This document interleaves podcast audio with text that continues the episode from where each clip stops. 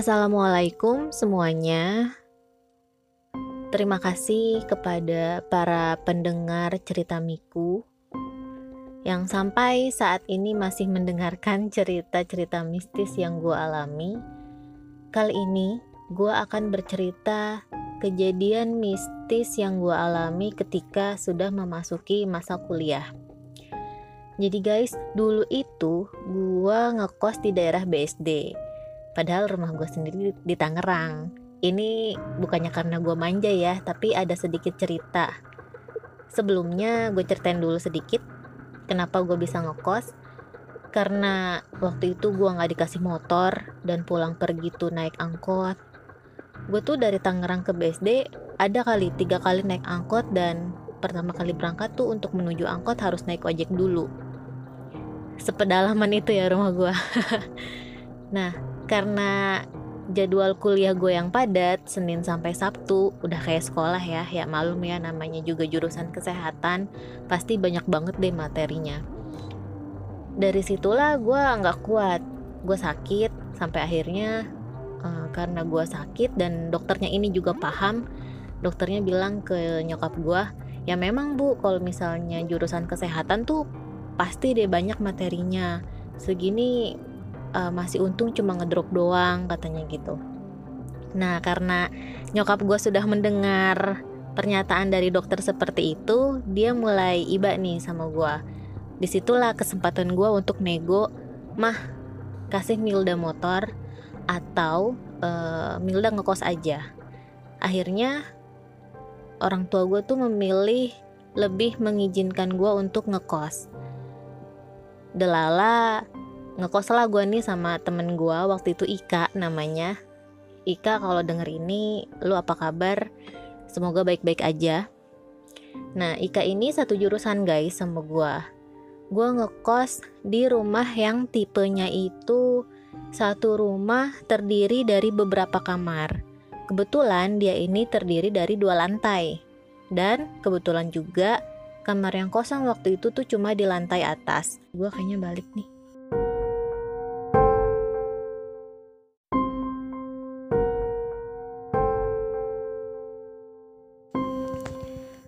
Awal masuk disambut dengan ruang tamu di depan, tapi masih ruang tamunya itu kayak ruang tamu di dalam gitu. Nah, terus mulai masuk di sudut kiri itu ada kamar, kemudian di kanan ada dua kamar, di sebelah kiri juga ada dua kamar, dan ada dapur, kemudian kamar mandi. Di deket atau di samping dapur itu ada tangga, tangga kayu. Ukurannya untuk satu orang naik gitu deh. Jadi nggak bisa tuh yang dua orang samping-sampingan nggak bisa. Karena itu tangga kayu, jadi setiap orang naik atau turun tuh kedengeran duk duk duk duk. Nah, di atasnya setelah tangga itu langsung pas banget sebelah kanannya itu kamar gua dan Ika. Di samping kanan kamar gua itu ada kamar teman-teman yang lain dan ada satu kamar juga itu penghuninya kosong. Nah di depan kamar gue tuh udah kayak langsung tembus ke uh, tempat jemuran gitu. Karena kan mungkin di atas kali ya jadi enak tuh anak-anak jemur. Tempat jemuran nggak ada kanopinya. Di sekitaran tempat jemuran itu di sebelah kirinya ada kamar mandi jadi kalau misalnya lu mau ke kamar mandi atas, lu harus keluar pintu dulu nih menuju jemuran baru sebelah kirinya itu kamar mandi. Ya agak creepy sih soalnya kan kalau malam tuh gelap gitu kan mau ke kamar mandi tapi jauh banget. Jadi anak-anak tuh karena pada penakut jadi lebih milih ke kamar mandi bawah. Uh, gua ceritain tentang Ika dulu sekilas. Ika ini pada saat itu sudah memiliki pacar di mana dia nih sering bercerita kalau pacarnya ini seperti mempunyai ilmu yang bisa nebak dia ini lagi pakai baju warna apa kayak gitu. Waktu itu Ika pernah cerita dia lagi nonton TV, lagi ribut sama pacarnya, jadi uh, kayak hilang kontak gitu. Zaman dulu masih telepon atau SMS-an. Tiba-tiba tuh pacarnya SMS kayak misalnya gini, kamu lagi di depan TV ya, lagi nonton TV ya kamu lagi pakai baju daster ini ya pakai warna hitam misalnya motif bunga-bunga. Dan itu benar. Ya waktu itu gue sekadar mendengarkan saja menghargai cerita dia gitu tapi kenyataannya betul atau tidak ya wallahu alam. Sudah beberapa bulan gue ngekos bareng Ika. Di sini mulai ada hal-hal mistis yang aneh ini kita masuk ke cerita mistisnya.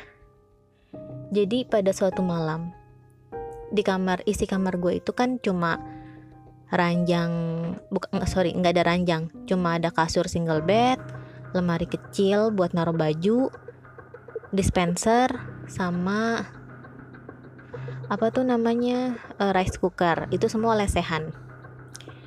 Dan gua nih naruh dispenser deket banget sama jendela kamar Suatu malam jam 10 malam atau jam setengah 11 malam gitu ya sekitaran itu tiba-tiba ada suara orang naik tangga. Duk duk duk duk. Nah gue penasaran nih siapa malam-malam ke atas? Soalnya biasanya tuh jam 8 malam anak-anak udah sepi udah kayak pada ngurung diri gitu di kamar. Tapi pas gue intip lewat jendela nggak ada siapa-siapa. Di situ gue agak nge-freeze bingung. Sepersekian detik yang lalu tuh ada yang naik tapi kok pas gue intip nggak ada siapa-siapa? Bingung gue di situ. Terus karena Ika waktu itu yang gue lihat udah tidur ya udah gue niatnya ya udah gue umpetin aja dari Ika gue nggak mau cerita cerita ternyata Ika kebangun karena ngedenger suara orang naik tangga juga dan ketika kebangun itu dia lagi menemukan gue tuh sedang mengintip dari jendela untuk melihat siapa yang naik. Terus Ika langsung bilang gini, siapa ku yang naik? Gue bingung kan mau jawab apa gitu. Akhirnya gue bilang, nggak ada siapa-siapa kak. Ih, ya ampun serem banget kata si Ika gitu. Terus dia langsung lanjut tidur lagi sambil nutupin badannya pakai selimut itu saking ketakutan. Kalau gue sih heran gitu dibilang gue salah denger nggak mungkin karena Ika juga denger tapi kok nggak ada. Dan cerita-cerita ini tuh sudah beredar di anak-anak kosan kalau misalnya setiap malam selalu ada suara orang naik tangga. Tapi ketika dilihat nggak ada siapa-siapa. Ini satu. Kedua waktu itu pacarnya Ika sempat main ke kosan Beberapa kali dia ada main ke kosan, tapi dia tidak pernah membuka tentang hal-hal gaib. Sampai pada akhirnya nih, entah kenapa eh, anak-anak dikumpulin atau anak-anak lagi pada ngumpul gitu ya. Aduh anjir gue lupa banget deh. Pokoknya di posisi anak-anak ngumpul deh. Di situ ada gua, Ika, Endah, si Belo, dan Fajar Fajar. Pacarnya Ika. Fajar nih bilang e, penghuni sini nggak suka sama kalian katanya. Terus kita yang loh kenapa? Soalnya kalian selalu ngomong kasar kalau bercanda. Atau ngomong yang jorok gitu ya. Ya nama juga anak-anak kosan kan waktu itu masih muda. Jiwa bercandanya tuh masih membara-bara sampai uh, hal intim aja tuh jadiin bercandaan gitu. Katanya mereka nggak suka. Terus minta Fajar untuk bilangin. Waktu itu ketika ketika mendengar hal seperti itu tuh gue agak yang gimana ya? Uh, percaya tidak percaya atau tidak. Pokoknya half half deh setengah setengah ya gue memang percaya jin itu ada. Tapi untuk sampai bisa seperti itu gue masih setengah-setengah deh masih percaya atau enggaknya. Tapi ya gue dengerin aja. Sampai akhirnya uh, katanya mau masuk nih ke badannya Fajar. Cuma uh, alasannya kenapa gitu? Uh, si Fajar nih Fajar nih bilang apa dimasukin ke badannya si Miku aja? Atau ke si Lela aja gitu? Atau Lela itu belok yang tadi gue bilang. Cuma kan anak-anak pada nggak berani ya kalau misalnya benar si Fajar punya ilmu seperti itu. Terus kita kerasukan nggak ada yang bisa nyembuhin gimana? Anak-anak pada takutnya kayak gitu. Nggak lah lu aja lah. Nggak lah lu aja. Nah karena waktu itu lagi membicarakan hal-hal horor, terciptalah suasana yang mulai mencekam. Nah, dari situ uh, Fajar nih nada bicaranya sudah berubah. Seperti kakek-kakek terus diladenin sama si Endah nih temen gue. Uh, mereka mulai ngomong bahasa Sunda alus. Jadi Endah ini meladeni Iya kakek dari mana? Oh iya turunan ini ya. Iya saya juga kenal. Iya gini-gini bablas segala macem. Itu percakapan uh, eh, gue dan anak-anak tuh nggak ada yang nyambung sama sekali. Jadi gue cuma bengong aja gitu ngeliatin mereka berdua. Sampai yang gue terbesit, anjir apaan sih ini? Dibilang acting tapi nggak mungkin sih. Ngapain juga anak-anak acting uh, acting atau settingan kayak gini gitu. Cuma ya apa ya kayak sekilas kelihatan kayak orang gila iya gitu tapi ya itulah gitu yang ada di benak gue saat itu tapi rasa merinding ada nah sampai akhirnya setelah percakapan itu selesai Fajar dan Endah ngasih wejangan ya udah mulai sekarang kita jangan berisik-berisik atau jangan ngomong yang kasar-kasar atau yang jorok-jorok katanya gitu. Sudah dari sinilah ketika membicarakan hal horor Fajar bilang ke gue Miku sebenarnya lo itu melihat. Duh gue jadi merinding nih. Sebenarnya lo melihat Tapi lo abaikan Kata Fajar gitu. Maksudnya gimana Jar? Gue nanya balik dong Karena kan gue uh, masih bingung gitu. Maksudnya apa gitu Melihat apa? Diperjelas sama Fajar Dia bilang Lu sebenarnya bisa melihat hal-hal gaib. Jadi kayak misalnya nih lu lagi ngeliat fokus ke mana selewatan ada gitu. Tapi sama lu tuh dimentahin kata dia gitu. Sama lu tuh di yang dilogikain lagi. Ah itu mah cuma uh, refleksi cahaya misalnya. Nyambung dong ke logika gua tapi ya kalau sampai berbentuk gitu ya gua nggak tahu juga wallahu alam. Dia sampai bicara seperti itu. Ini lu cuekin katanya. Padahal kalau misalnya lu aware lu melihat kata dia gitu. Cuma kan gue yang masih apa iya sih? Emang iya? Masa sih dalam hati tuh gue kayak gitu. Tapi pada kenyataannya mah gue cengar-cengir aja. Nah dari situlah dia bicara seperti itu tapi kemudian setelahnya nggak gue notice itu cuma untuk pengalaman gue aja. Beberapa bulan kemudian gue pindah kosan nih guys karena harga kamar di kosan itu naik. Gue kan nama anak-anak uh, ini ya mental rakyat jelata gitu. Jadi mencari kosan yang seperti kontrakan tapi bisa diisi sama banyak orang. Ya biarpun yang punyanya bilang ini uh, kontrakan cuma bisa diisi dua orang ya gitu. Padahal tuh gue isi berempat. Sama siapa gue ngisi? Gue Winnie Belo sama Vera. Itu teman-teman satu jurusan gue jadi gue nggak ngekos lagi tuh sama Ika karena Ika lebih memilih bertahan di kosan yang lama. Nah uh, setelah beberapa bulan menempati kosan yang tadi gue sebutin yang kayak kontrakan itu pokoknya model denahnya mirip kontrakan banget deh teras masuk ke dalam tuh udah langsung ruang TV masuk ke dalam lagi kamar di belakangnya udah langsung dapur sama tempat cucian piring. Suatu malam, suatu malam, waktu itu gua, waktu itu gua tidur malam cepet banget tuh. Jam 9 atau jam 10 gua udah tidur. Saking capeknya kali ya namanya ya kuliah, main gitu, kuliah, main. Tiba-tiba gua kebangun nih pengen pipis sekitar jam 2 atau setengah 3 pagi.